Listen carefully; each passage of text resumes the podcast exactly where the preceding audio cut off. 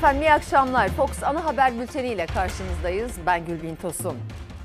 Bu akşam başlığımız her şeye rağmen. Evet ekonomik sorunlarımız dorukta, dar gelirlinin kurban kesmesi hayal, tatile gitmek çok zor. Ama bugün bayram, Kurban Bayramı'nın ilk günü. Bu sabah evden çıktığımda sokakta gördüğüm, tanıdığım tanımadığım herkese günaydın dedim. İyi bayramlar dedim. Her şeye rağmen herkesin yüzünde bir gülümsemeyle iyi bayramlar dedi onlarda. Eminim tüm tüm Türkiye'de herkes o gülen yüzlerle birbirleriyle iyi dileklerini paylaştı, eller sıkışıldı ve her şeye rağmen mutlu bir güne başladık. Bayramınız kutlu olsun, mutlu olsun efendim. Haberler çok. Hemen başlayalım bültene. Kurban Bayramı geldi. İlk güne bayram namazıyla başlandı. Sonrasında kurban kesim yerlerinde yoğunluk vardı. Cumhurbaşkanı Erdoğan da sınırda ve sınır ötesinde görev yapan askerlerle telefon aracılığıyla bayramlaştı.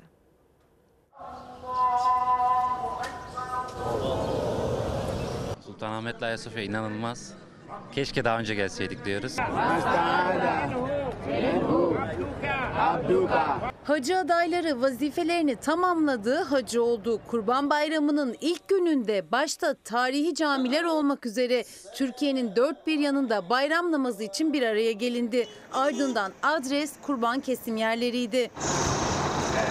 Kimileri boş arazileri kullandı kesim için. Yer bulmadığımız için birkaç yere sorduk. Otoparklara, oto yıkamalara hiç kimse yer vermedi. Burada kendi çabamızla hallettik. Kurban kesim yerlerindeki yoğunluğu bahane edenler otoyol kenarlarında, bahçelerde, derelerin yanında kesim yaptı. Sağlıksız koşullar bir yana çocukların da gözü önünde gerçekleşti o kesimler. Yakalananlara ceza kesildi. Sapanca Gölü kaçak kesimler nedeniyle kırmızıya döndü. köpük. Daha yukarıya doğru gidiyorum. Kıpkırmızı oluyor. Kan akıyor. Mehmetçik ise vatan nöbetinde görevinin başındaydı. Milli Savunma Bakanı Yaşar Güler beraberinde komuta kademesiyle geceyi terör operasyonlarının da devam ettiği Irak sınırında Aktüt'ün hudut taburunda geçirdi.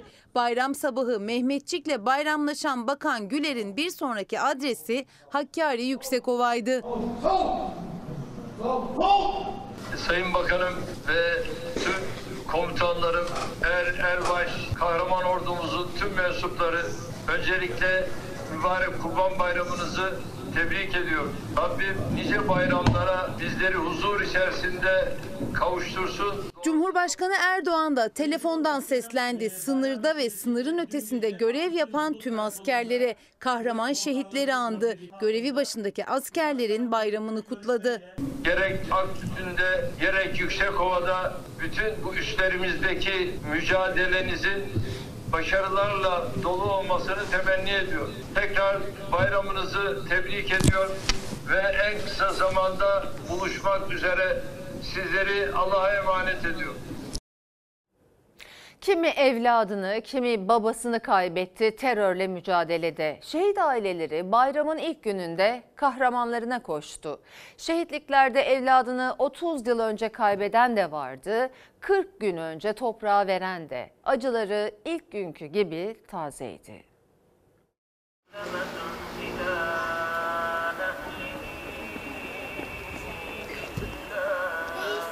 Oğluma geldim.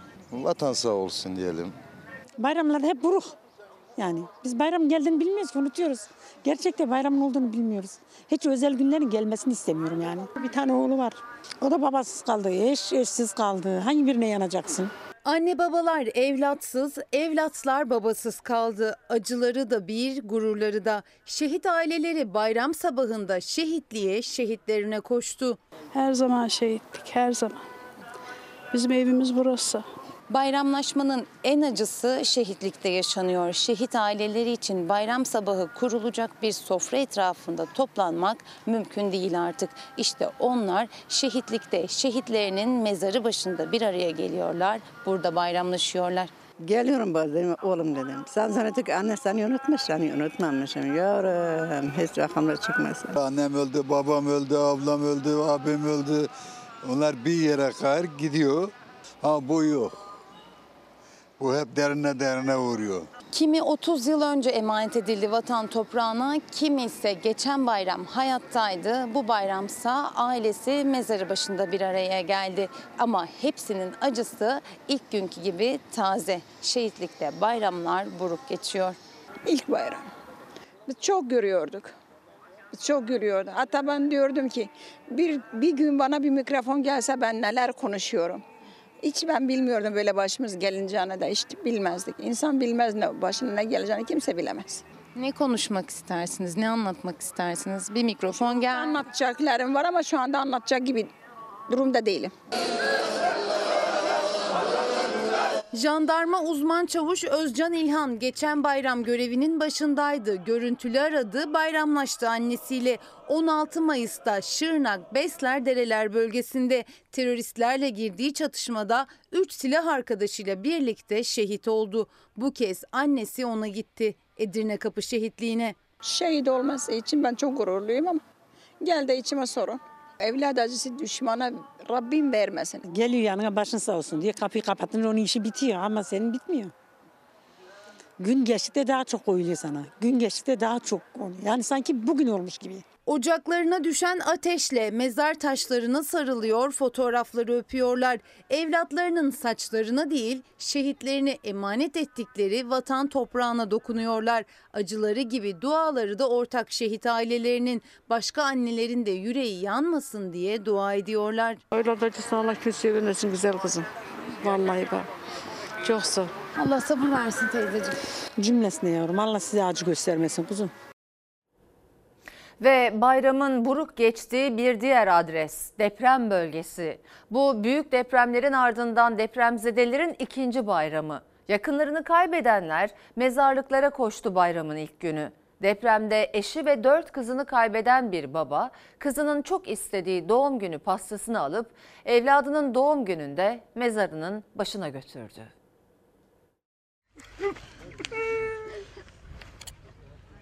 Bana diyordu ki baba benim doğum günümü kutlayacak mısın? Diyordum kızım ben senin doğum gününü kutlarım tabii. Ben senin babanım. Baba bana pasta getirecek misin? Dedim sana pasta getireceğim. Doğum günü oldu. Ne kızım var ne kimse kaldı. Kimse kalmadı. Benle oğlum tek başımıza kaldık. 6 Şubat depremlerinde eşini ve 4 kızını kaybetti. Bu Mehmet Töken'in büyük acıyla geçirdiği ikinci bayram. Kızı Gamze Nisa Töken yaşasaydı 19. yaşına girecekti. Babası kızının o çok istediği pastayı alıp mezarına götürdü. Evladının doğum gününü de bayramı da gözyaşları içinde geçirdi. Doğduğu zaman beni çok mutlu etmişti. Mutlu tutan ağlıyordum. Bugün de vefat etmiş. Ağlıyorum yine. Ağlamakla geldi, ağlamakla gitti. Senin gezi bayramıdır abi. Hanımım vefat etti. Bizim apartmanda 26 git öyle çıktı. Çok acı. Derin acısı derin ama bu. Derin acı ilk günkü gibi taze. 11 ili yıkan 50 binden fazla kişinin yaşamını yitirdiği depremlerin üzerinden yaklaşık 5 ay geçti. Ramazan bayramı gibi kurban bayramı da buruk geçiyor deprem bölgesinde. Anlatılmaz yaşanır. Bayram yok zaten bize. Şu an cenazemiz burada. Bir kızı ve torun da yukarı taraftadır. Yani acımız büyüktür ne yapalım. İki bayram da böyle buruk geçiyor. Eşimiz dostumuz kayboldu. Hep evler yıkıldı yanımızda. O psikolojimizi bir, bir türlü atamıyık yani düzeltemeyik. Aradan aylar geçse de deprem bölgesindeki zorluklar sürüyor. Bir bayram daha konteynerlerde geçiyor. Kimsem yok buralarda. Öyle duruyorum işte. Çevre illerde öğrenci yurtlarında kalmaya devam eden depremzedeler de Kurban Bayramı'nda memleketlerinden uzakta. Orada da gitsem dışarıda kalacağım. Neşemiz yok, moralimiz bozuktur. 58 sene bir emek verdik. Evimiz oldu, dükkanlarımız oldu. Ama bir gecede bunların hepsini kaybettik. Memleketimizden ayrılmışız. Cenazelerimiz var. Efendim bayramın birinci günü kurban pazarları Arife'ye kıyasla hareketliydi. Kurbanlıklarını daha ucuza almak isteyenler sabahın erken saatlerinde kurban pazarının yolunu tuttu. Artan maliyetler karşısında tüm umudunu bayrama saklayan besici bu durumdan dertli olsa da alıcıların yüzü güldü. Çünkü fiyatlar az da olsa düştü. Allah rızası için bunu kurbanı keseceğim. Yok. 250, 250. Birinci gün biraz daha uygun diye geldik. İnşallah öyle olur. Birinci gün geldiniz. Evet. Büyük baş mı küçük baş? Büyük baş. Kaç kişi hisseye gireceksiniz? Biz şu anda 6 düşünüyoruz. Düşerse bugün alırız. Ne kadar fiyatınız? 760 canlı hali. 5000 lira. 105 bin lira. Biraz daha bakmamız lazım. Biraz pahalı geldi bize. Sizin bütçeniz ne kadar ortalama? 75-80 tosun alacak. En büyüğü olacak ama en ucuz olacak. Aynen öyle. Şu anda öyle Benim de bakıyorum. öyle hayallerim var. Hem besili hem de fiyatı ucuz olsun diyenler bayramın ilk günü çaldı kurban pazarlarının kapısını. Artan girdi maliyetleri karşısında umudunu bayrama saklayan besici fiyat düşürmek zorunda kaldı. Kurbanlık almaya gelenler önceki günlere kıyasla yüzü gülerek çıktı pazardan. Düşmüş mü bugün fiyatlar? Biraz daha iyi fiyatlarımız. Dün mesela 9 liralık olan kurban bugün 7-7,5'a alabiliyorsunuz. Ağrı merkezden geldim. 65 adet sattım. 15 adetim kalmış. 100 liralık hayvanı 60 lira, 50 lira. Ben de vermiyorum. Bir hayvan 3 yılda ancak yetişiyor. Kurbanlık alımı için fiyatlar düşer diye bayramın birinci gününü bekleyenler hayvanlarını alıp gidenler var. İşte bu büyükbaş kurbanlığın fiyatı 65 bin lira. Aile şu anda alıp evine götürüyor. 28 tane vardı. Şu anda 26 tanesi duruyor. Nereden geldiniz? Edirne Uzunköprü. Satılmadı mı? Yani satılmadı değil. eee, hem alım gücü de yok hem de biz büyük hayvanlar getirdik. Fiyatlar yerlerde. Çiftçi, üretici bitmiş durumda. Seneye de buraya kim hayvan getirir, kim getiremez bilmiyorum ama satanlar da zararına sattı zaten. Bayram günü zararına satış yapan Trakyalı besici de halinden memnun değildi. Ağrı'dan gelendi. Çünkü dertleri ortak. Bir yılda büyükbaş ve küçükbaş kurbanlıkların fiyatı iki katına çıktı. Fiyatlar pahalı, alım gücü de düşük olunca pazarlık zorlaştı. Fiyatlar tabii ki yüksek. Bir tane baktık 9750 dediler. Bakıyoruz daha bakalım. Bütçemize uygun ne olursa onu alacağız. Kurbanlıkların fiyatı bir yılda iki katına, üç katına kadar çıktı. Bunun nedeni işte maliyet giderlerindeki artış saman da o giderlerin başında geliyor. Bir yılda fiyatı çok katlandı. Fiyatlar çok yüksek. Sofralar eskisi gibi kurulmuyor. Hiçbir bayramın eskisi gibi tadı yok artık. İyi bayramlar. Kestiniz mi kurbanı? Kestik Allah nasip ederse kestik işte. Ne kestiniz? Koç. Ne kadara kestiniz kurbanınızı? 8 bin 8 bin. Kurban pazarında küçük baş kurbanlıklarını alanlar bu bölgede hayvanlarını kestiriyorlar. Burada sıraya girerek bu alanda kesime götürüp paylaştırıp evlerinin yolunu tutuyorlar. 5 hisse olarak aldık. İlk güne göre biraz daha uygundu. %10 civarı falan bir düşüş olmuş. Ben e, kesim dahil her şey içerisinde 63 bin lira. Yani en ucuzu 7,5-8'den başlıyor. Beklenenin üstünde şu an hepsi. İkinci günü bekleyecek olanlar da vardı. Bayramın ilk günü bütçesine uyup etleri paylaşmak üzere kurban pazarından ayrılanlar da. Bir payı garibanlara, bir payı komşulara, bir, bir pay da ev halkına dağıtılacak Allah nasip ederse. Ve yine bir kurban bayramı klasiği. Kurbanlıklar kaçtı, peşinden kilometrelerce koşturdu. Acil servisler acemi kasaplarla dolup taştı.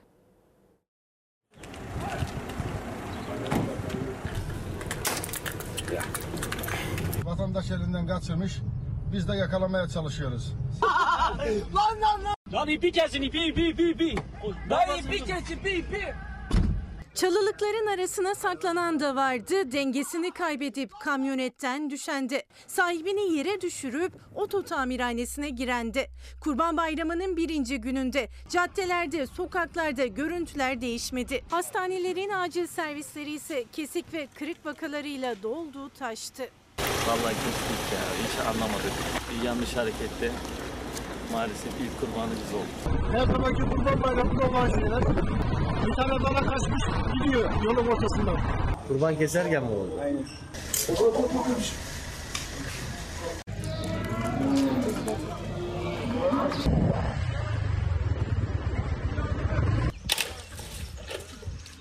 Yaralanmışsınız. Rize'de kaçan dana sahibinin yüzünü bu hale getirdi. Hemen erildi. Kaçan kurbanlıklar onları yakalamaya çalışanlar vardı. İstanbul Avcılar'da kurbanlık 7 tosun toplu firardaydı. Altısı 6 kilometre uzaklıkta bulunabildi. Bir tosunsa hala kayıp.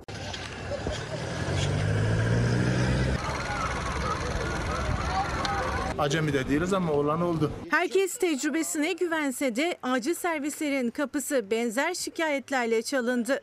Ufak bir kırık varmış. Bu yüzden şey edince hayvan elimize dokundu. Bu kadar. Kaç kişi yaralandınız? İki. Abi koş kaçıyordu. Atladım üstüne yakalamaya çalıştım. hal bu hal. İlk kurban benim herhalde. Acemi kasaplar bu soruya yanıt ararken tedavisi bitenler nasihatte bulunmayı ihmal etmedi. Büyükbaş mıydı abi? Büyükbaş. Ne diyeyim hepsi dikkat olsun. Efendim Belgin Hanım demiş ki zor bir yıl geçirdik ülkece. Her sabah umutlu uyanıp üzüntüyle bitirdik yine. Yine de bayram bayramdır. Umutla, barışla, anlayış ve sevgiyle kutlayalım. Sinan Sözmen de her şeye rağmen hala umut var. Umutlarımızı yitirmememiz önemli. Tükenmeyen tek şey umutlarımız olmalı demiş. Tekrar iyi bayramlar dileyerek siyaset gündemine geçelim şimdi. Efendim CHP'de değişim tartışmasında son açıklama CHP İstanbul İl Başkanı Canan Kaftancıoğlu'ndan geldi. Kaftancıoğlu genel başkanına destek verdi. Adaylığı için örgüt onu adaylaştırırsa sorumluluktan kaçmaz dedi. Kaftancıoğlu'nun Ekrem İmamoğlu'nu hedef alan sözlerine ise İmamoğlu'nun basın danışmanı fotoğrafla yanıt verdi değişimin önünü sonuna kadar açacağım. Kemal Kılıçdaroğlu genel başkan olmasaydı çok büyük ihtimalle Ekrem İmamoğlu profilinde birisi İstanbul Büyükşehir Belediye Başkanı adayı olamazdı. Profilden İstanbul Büyükşehir Belediye Başkanı Ekrem İmamoğlu. Kemal Kılıçdaroğlu bir süredir sessiz ama CHP'de değişim tartışması hız kesmeden devam ediyor. CHP İstanbul İl Başkanı Canan Kaftancıoğlu'nun Kılıçdaroğlu genel başkan olmasaydı Ekrem İmamoğlu profilinde birisi İstanbul Büyükşehir Belediye Başkan adayı olamazdı sözlerine İmamoğlu'nun basın danışmanı Murat Ongun yanıt verdi. Her zaman söyledim e, ideallerim uğruna her hususta e, görev almaktan asla çekinmem, çekinmedim. Ekrem Bey de genel başkanlıkla ilgili bir söz etmedi. Değişim olması gerektiğinden söz etti. Aynı şeyi ben de söylüyorum. Genel başkan da söylüyor. Belki tek farkımız bizler parti içi kurallarda bunu söylüyoruz. Ekrem Başkan bunu kamuoyuyla paylaşıyor ama bir yerde benim kastettiğim şey genel başkanlık değil dediğini biliyoruz. Şunun altını çizelim ne yazık ki 9 yılda üst üste 3 kez seçim kaybettik. 10 seçim kaybetti 12 seçim kaybetti diyen partililere sesleniyorum. Sanki Kılıçdaroğlu genel başkan oluncaya kadar her seçimde CHP kazanıyordu. %30-40 oyu vardı da Kılıçdaroğlu genel başkan olduktan sonra seçim kaybedilmeye başlandı. Sözcü gazetesinden Ruhat Mengi'ye konuştu Canan Kaftancıoğlu. Ekrem İmamoğlu'nun değişimden kastının genel başkan değişimi olmadığını söyledi. Kılıçdaroğlu bırakmalı açıklamalarına da tepki gösterdi. Kaptan olarak gemiyi limana sağlam götüreceğimi herkes bilsin. Seçim bittiği gün beklediğim de oydu. Ben olağanüstü kurultayı topluyorum. Yeni dönemde aday olmuyorum. Ben çıkıp ben adayım demem. Bugüne kadar hiç çıkıp ben adayım demedim. Partinin yetkili organları kimin aday olup olmayacağı, kimi seçip seçilmeyeceğine onlar karar verecektir. Bu partide herkes gelip genel başkanlığa aday olabilir. Kılıçdaroğlu'nu tanıyan birisi olarak asla koltuğa yapışmak gibi bir duygusu olmadığını bizzat biliyorum. Örgütünü dinleyecektir. Örgütü kendisini adaylaştırırsa o sorumluluktan kaçmayacaktır. Aksi yönde bir ses gelirse de aday olmaz. Yani Kılıçdaroğlu'nun kendisinin aday olması gibi bir durum söz konusu olmaz. CHP İstanbul İl Başkanı Kaftancıoğlu Kılıçdaroğlu'na sahip çıkarken Bülent Tezcan Kılıçdaroğlu'na hedef alan açıklamalarına devam ediyor. Değişim olmazsa yerel seçimlerde sadece İstanbul değil birçok büyük şehir riske girer dedi. CHP'de değişim tartışmalarında bayram molası yok. Öncelikle Ruhat Mengi'ye verdiği röportajı okumanızı tavsiye ederim Kaftancıoğlu'nun. O kadar diplomatik bir dil kullanmış ki şapka çıkardım. İnce, titizlikle seçtiği ifadelerine. Gerçekten usta bir siyasetçinin verebileceği mesajlar var. Mesela diyor ki Kılıçdaroğlu ile parti solun sosyal demokrasinin tüm yelpazesine açılması için kararlı bir süreç yürüttü. Bunu yaparken 12 yıl önceki noktayla bugünkü noktaya baktığımda parti yeni siyasi aktörler kazanmaya başladı. Toplumun daha geniş bir tabana yayıldı diyor. Sonra önce kendimden örnek vereyim. Kılıçdaroğlu olmasaydı benim gibi bir siyasi aktör göremezdiniz diyor. Ta ondan sonra geçiyor İmamoğlu'na. İşte bu profilde diye başlayan cümlesi ondan sonra geliyor çok ince bir mesajla İmamoğlu'na yani nasıl desem belki o kadar sert değil ama bir sen dur bakalım Nasıl geldiğini hatırla gibi bir söz etmiş sanki. Artık MYK'da üye olmayan Bülent Tezcan'ın çıkışı da ilginç. Zaten sade bir vekil artık. Tabii Kılıçdaroğlu aday olmamalı fikrini sorgulayamam. Evet siyasette kişiler bazında değişim önemli ama Kılıçdaroğlu'nu neden şimdi karşısına aldığı sorusu da düşündürüyor insanı. Efendim seçimlerin kaybedilmesinin ardından Millet İttifakı liderlerinden gelen oy oranları ve vekil sayısına ilişkin açıklamalar vardı. Deva Partisi Genel Başkanı Ali Babacan, CHP listesinden seçilen 15 milletvekilini helalinden kazandık dedi. Saadet Partisi Genel Başkanı Temel Karamollaoğlu, CHP'nin gerçek oy oranı için %17 dedi. Bu açıklamalar sonrası Gelecek Partisi sözcüsü Serkan Özcan'dan liderlere hem uyarı hem de çağrı var.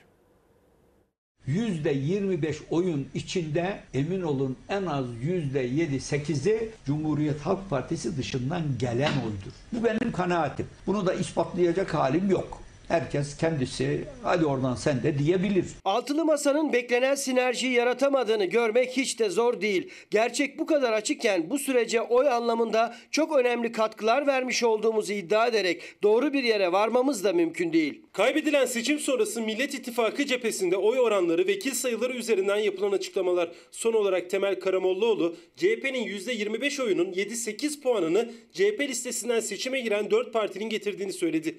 CHP'nin gerçek oyunu %17 olarak gösterdi. Gelecek Partisi sözcüsü Serkan Özcan, doğru bir tartışma ortamı yürütülmüyor dedi. Evet şartlar eşit değildi. Ciddi bir dezenformasyon vardı. Devlet gücü açıkça iktidar için kullanıldı. Hepsi kabul. Ancak bu bizlerin muhalefet olarak ağır bir mağlubiyet aldığımız gerçeğini değiştirmiyor. Bizim kimseye en ufak bir borcumuz yok. Hiç kimseyi aldatmadık. Anamızın ak sütü gibi helalinden 15 milletvekilimiz var. Bu tür bence adaletli olmayan analiz ve söylemler özellikle bu süreçte büyük fedakarlıklarda bulunan siyasi partileri ve kitlelerini sadece daha fazla rahatsız eder. İttifak dönemi bitti.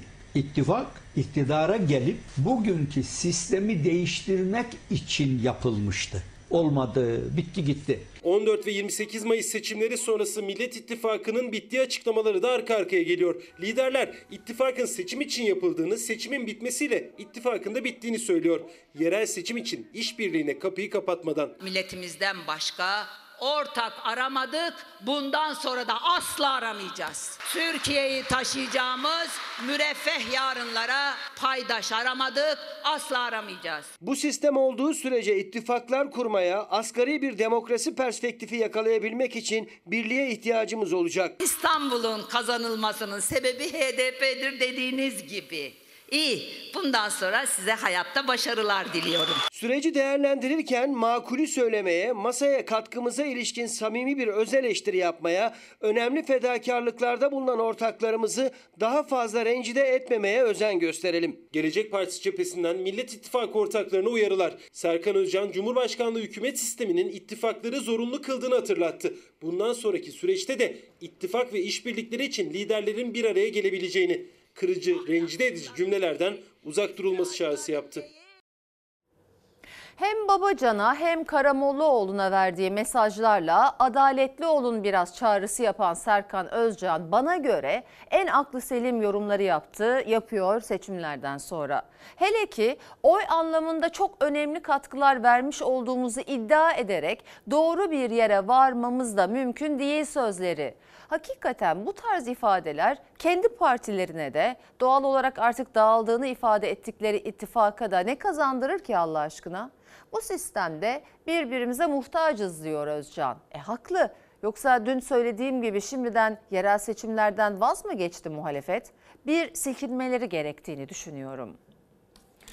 Efendim Tele1 Genel Yayın Yönetmeni gazeteci Merdan Yanardağ katıldığı bir programda sarf ettiği sözler nedeniyle tutuklandı. Muhalefet ve basın meslek örgütleri gazeteci Merdan Yanardağ'ın tutuklanmasına tepki gösterirken MHP lideri Devlet Bahçeli Yanardağ'ı ihanetle suçladı. Ahlaki hükmünü yitiren saray hükümeti montajlarla algı yönetimine devam ediyor. Gazeteci Merdan Yanardağ'ın hükümetin neyi neden yaptığını hatırlattığı konuşmasının bir bölümü üzerinden tutuklanması ülkemiz adına utanç vericidir. Bu yanlıştan derhal dönülmeli. Merdan Yanardağ serbest bırakılmalıdır. Bizim gündemimizde öyle bir konu yok. İhanetin serbestlisi olmaz. Kılıçdaroğlu utanç verici diyerek tutuklanan gazeteci Merdan Yanardağ'ın serbest bırakılması çağrısı yapmıştı. O çağrıya Bahçeli'nin yanıtı tek cümlelik oldu. Bahçeli gazeteci Yanardağ'ı ihanetle suçladı. Muhalefet tepkili. Tutuklama bir insan için uygulanabilecek en son tedbirdir. En istisnai tedbirdir.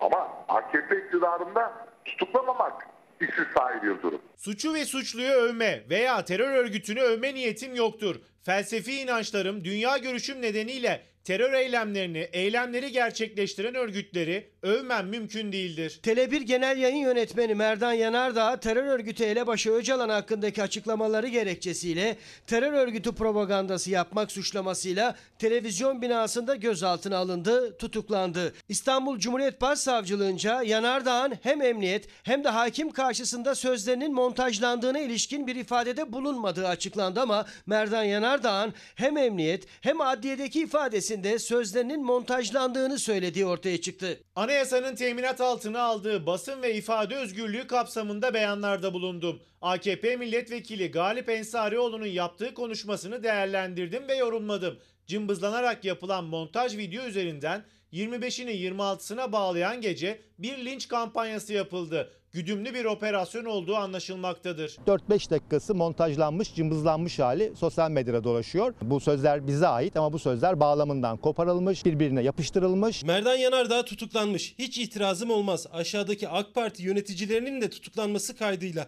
aynı suça aynı ceza. Zafer Partisi lideri Ümit Özdağ çözüm süreci döneminde terörist başı Abdullah Öcalan'la ilgili o dönem AK Parti yöneticisi, milletvekili ve bakanlık koltuğunda olan isimlerin sözlerini paylaştı. Yanardağ tutuklanıyorsa onlar da tutuklanmalı diyerek. Orhan Miroğlu Mardin milletvekili PKK kendi topraklarında bir siyasi programı hayata geçirmeye çalışan bir politik harekettir.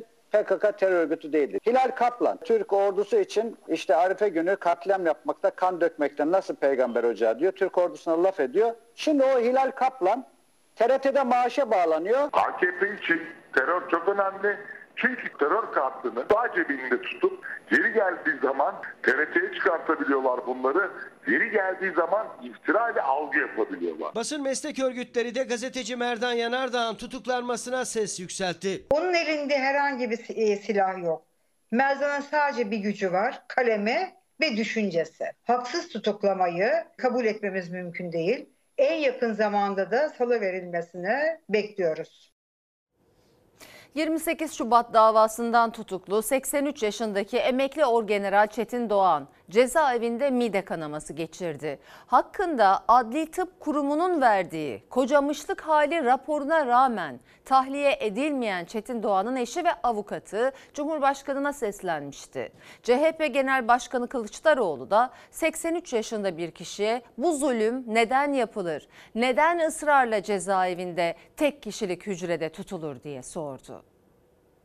Dün e, eşim maalesef ikinci defa bir de kanaması geçirmiş. Hayatını kaybedebilir. Endişem gerçekten çok fazla büyüdü. Emekli Orgeneral Çetin Doğan'ın saygıdeğer eşi Nilgün Hanım'la görüştüm. Çetin Bey'in sağlık durumu hakkında bilgi aldım. 83 yaşında bir kişiye bu zulüm neden yapılır? 28 Şubat davasından tutuklu 83 yaşındaki emekli Orgeneral Çetin Doğan'ın kocamışık hali raporu Cumhurbaşkanı Erdoğan'ın önündeyken Çetin Doğan sağlık sorunları nedeniyle tahliye beklerken ikinci kez cezaevinde mide kanaması geçirdi. CHP lideri Kemal Kılıçdaroğlu Doğan'ın eşini de aradığını söyleyerek sosyal medyadan tepki gösterdi. Bir buçuk ay kadar önce İzmir'deki Devlet Hastanesi raporunu düzenledi. Sonrasında İstanbul'daki Adli Tıp Kurumu tarafından kocamışlık haliyle ilgili tespit yapıldı ve cezaevi müdürlüğü tarafından konu Adalet Bakanlığı'na iletildi. Adalet Bakanlığı tarafından hazırlanan rapor Cumhurbaşkanlığı makamına iletildi. Çetin Doğan'ın diyabet, hipertansiyon, koroner arter hastalığı, sağ peritoneal sinir hasarı, sağ düşük ayak, işitme kaybı olduğu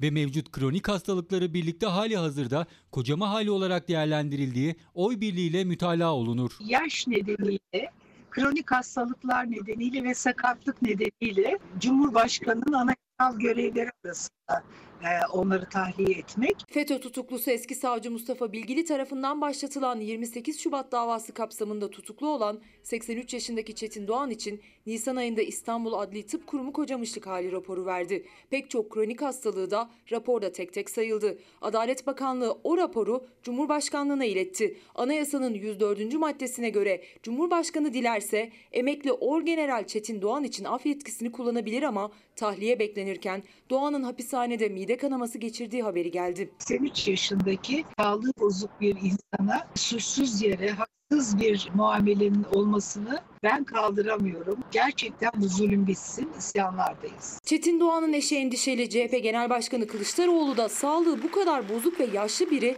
neden ısrarla cezaevinde tutuluyor diye sordu iktidara. 83 yaşında bir kişiye bu zulüm neden yapılır? Neden ısrarla cezaevinde tek kişilik hücrede tutulur?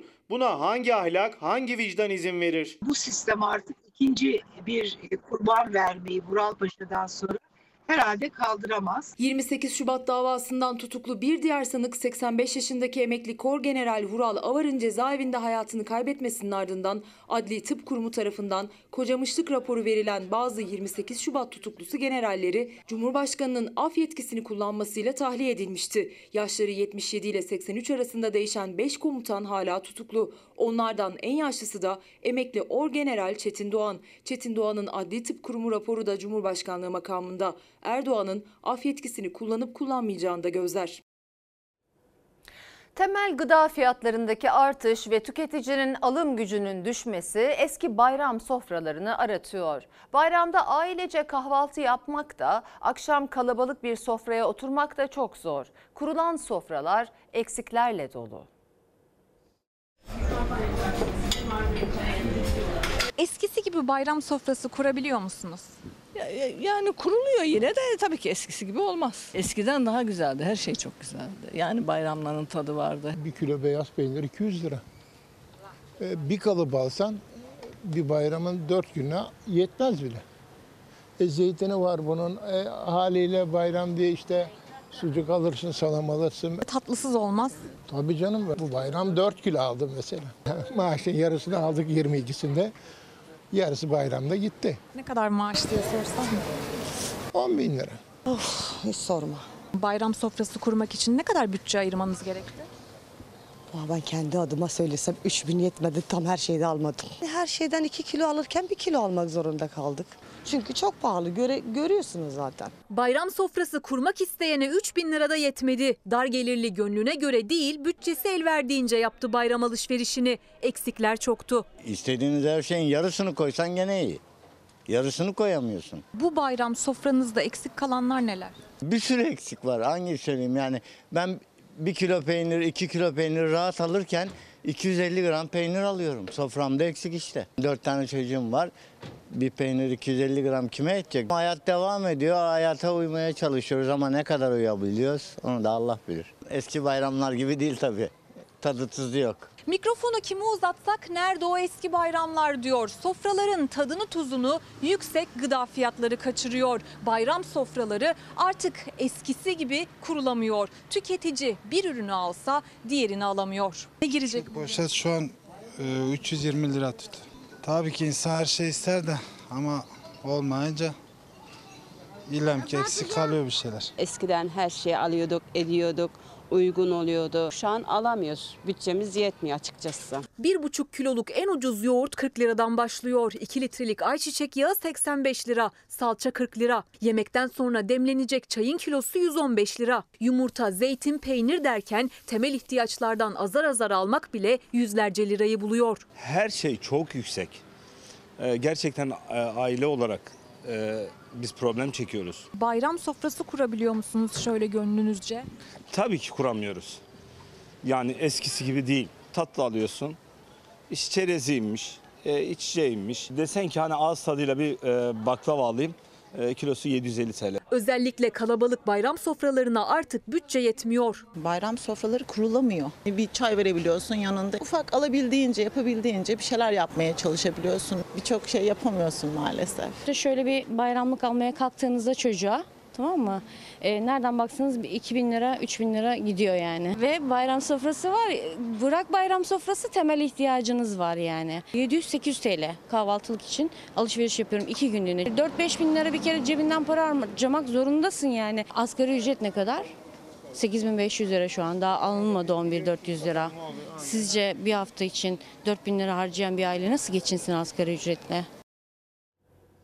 Ve emeklilerimiz bayram aslında en çok da onlar için anlam taşıyor ama onlar da eski bayramları arıyor.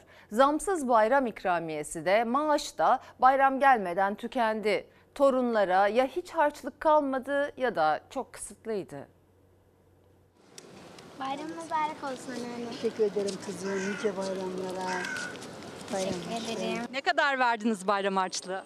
100 lira. Yüz verdim. Tek olsa daha fazla olabilir ama tek olmadığı için o kadarını verebiliyorsun. Bu 100 lira da benim için çok büyük para zaten. Anneannem veriyor Onlar çünkü. Zaten e, zar zor geçiniyor ama elindeki son parayla da verebildiği için benim için zaten çok büyük bir para. Emekli anneanne elindeki son parayı torununa bayram harçlığı yaptı. Bayram ikramiyesi de bayramdan önce yatan maaşı da geldiği gibi faturalara, borçlara, temel ihtiyaçlara gitti. Torunlara harçlık kalmadı. Onların ne kadar zor geçindiklerini torunları da biliyor zaten. Birçok emekli bayram harçlığı vermek bir yana çocuklarından destek alır hale geldi. Çocuklarım olmasa hiç geçinemem yani. Düzgün bir maaş alsak, kimseye muhtaç olmasak. Harçlık verdiniz mi? Yok veremedim. Doğrusu bu yani.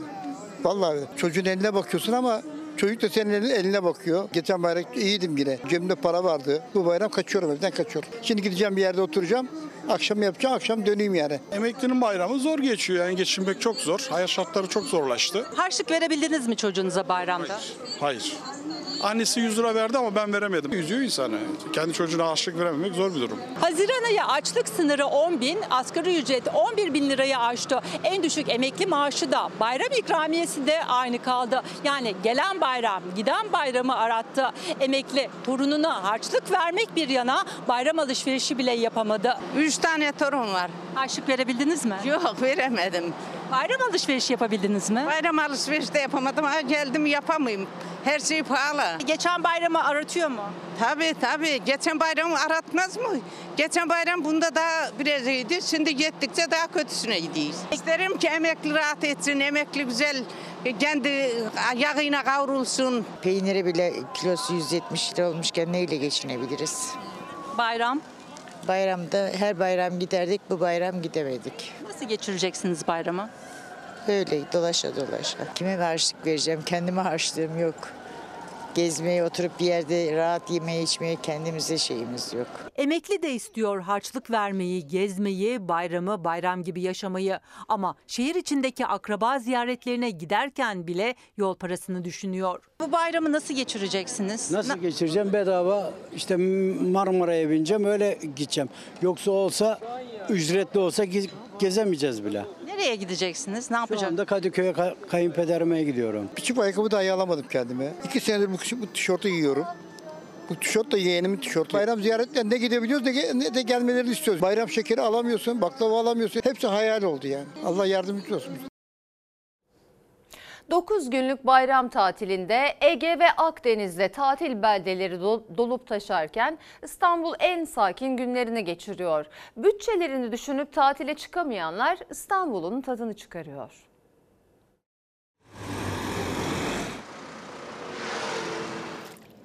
İyi bayramlar.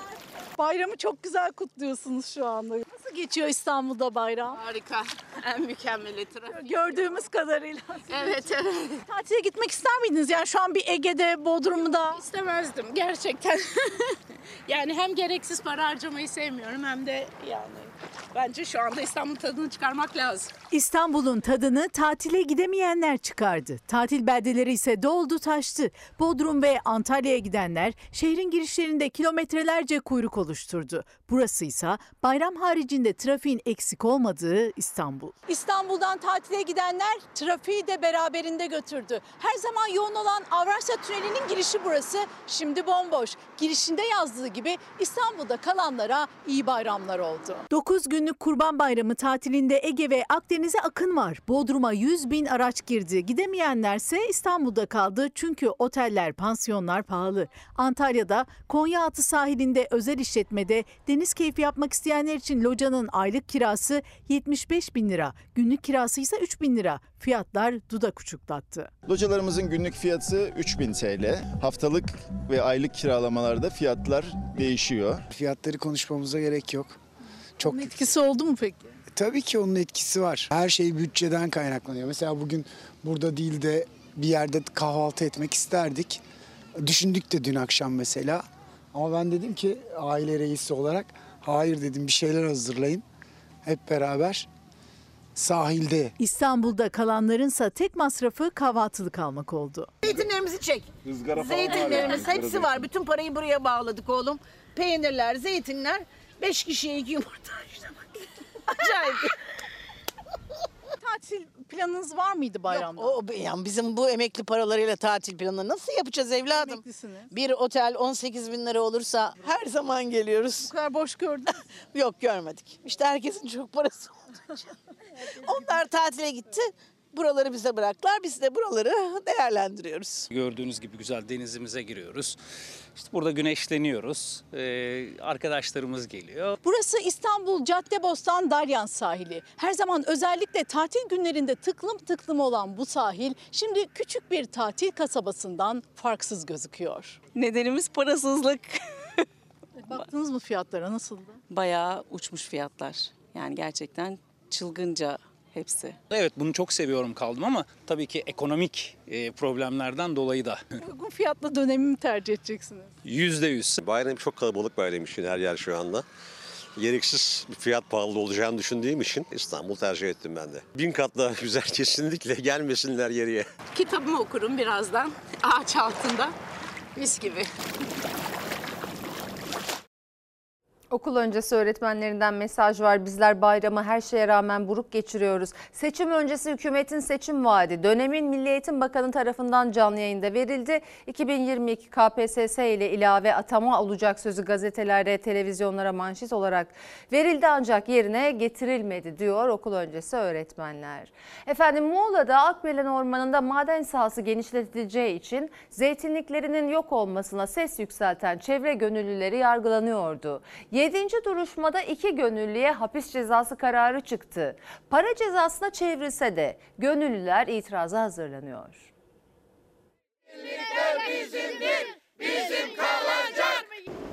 Ormanları canı pahasına koruyanlar, kesilmesin diye iki yıldır orada nöbet tutanlar bugün burada bu cezayla karşı karşıya kaldılar. Nefesleri kesilmesin, ormanları yok olmasın, yaşam alanları kömür madenine dönüşmesin diye iki yıl boyunca Akbelen Ormanı'nda nöbet tutan çevre gönüllülerine mahkemeden hapis cezası geldi. Muğla Milas İkizköy'de enerji şirketlerinin maden sahasını genişletmek için ağaç kesimine başlamasına karşı çıkan çevre gönüllüleri jandarmaya mukavemet gösterdikleri gerekçesiyle 6 ay 20 gün hapis cezasına çarptırıldı.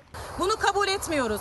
Bu davanın sonunu götüreceğiz. İstinafa kadar çıkacağız. Oradan dönecek. Biz biliyoruz. Mücadeleleri yemyeşil ormanları binlerce dönümlük zeytinlikleri içindi. İki büyük enerji şirketi İkizköy'ün kalbinde kömür maden sahası kurunca ayağa kalktılar. 8 Ağustos 2021'de zeytinliklerine girilip ağaçları teker teker kesilmeye başlanınca jandarmanın önünde durarak izin vermediler. Köylüler ve yaşam savunucularıyla birlikte gidip e, durdurduk ve ertesi gece maalesef jandarmanın e, orantısız gücüyle karşı karşıya geldik. Hem tapulu arazimizden hem de darp edilerek kötü feci bir şekilde atıldık. Jandarmaya karşı koydukları gerekçesiyle dava açılan iki çevre gönüllüsü için 7. duruşmada çıktı karar. İkisine de 6 ay 20 gün hapis cezası verildi. O ceza adli para cezasına çevrildi. Bunlar bizim sesimizi kesemeyecek. Akbelen Ormanı'nın sesini kesmeye yetmeyecek bu cezalar, bu, bu davalar.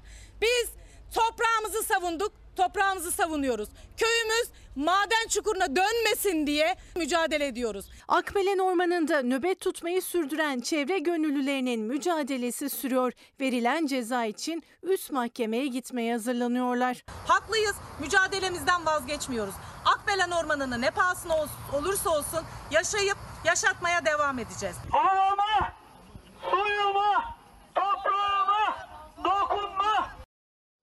Amerika Birleşik Devletleri'nde bir şempanzenin 28 yıllık kafes esareti son buldu. Şempanzenin gün ışığıyla ilk kez tanıştığı görüntüler büyük ilgi gördü. –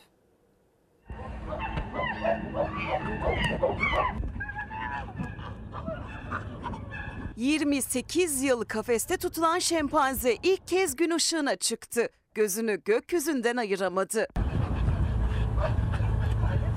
Vanilya isimli şempanze 2 yaşına kadar Amerika Birleşik Devletleri'ndeki bir tıbbi deney laboratuvarında tutuldu. Kurtarıldıktan sonra talihi yine değişmedi. Bu kez de götürüldüğü barınakta kapalı kaldı. Barınak kapıya kilit vurunca onu bir vakıf sahiplendi. Vanilya şempanzeler için özel hazırlanan yaşam parkına götürüldü. Burada doğal ortama hazırlandı. Sonunda büyük gün geldi. Kafesin kapısı açıldı. 28 yıldır kafeste tutulan şempanze ilk kez gün ışığına çıktı. Mavi gökyüzü ve güneşle tanıştı. Önce tedirgindi. Başka bir şempanzenin yönlendirmesiyle kafesi terk etti. Şaşkınlığı kameralara yansıdı. Vanilya kısa sürede tedirginliği üzerinden attı, yaşam alanını keşfetmeye başladı. Diğer şempanzelerle iletişim kurdu. Vakıf yetkilileri şempanzenin tırmanma platformunda etrafı izlemeyi çok sevdiğini söyledi. Şimdi ara zamanı. Efendim Fox ana haber bültenini burada noktalıyoruz. Fox'ta yayın Türk sinemasıyla devam edecek Petrol Sevdası. Bir kez daha mutlu bayramlar diliyoruz. Bayramınızı tebrik ediyoruz. İyi akşamlar diliyoruz. Yarın akşam görüşmek ümidiyle. Hoşçakalın. Ezilir yerler için bir başkadır benim memleketim.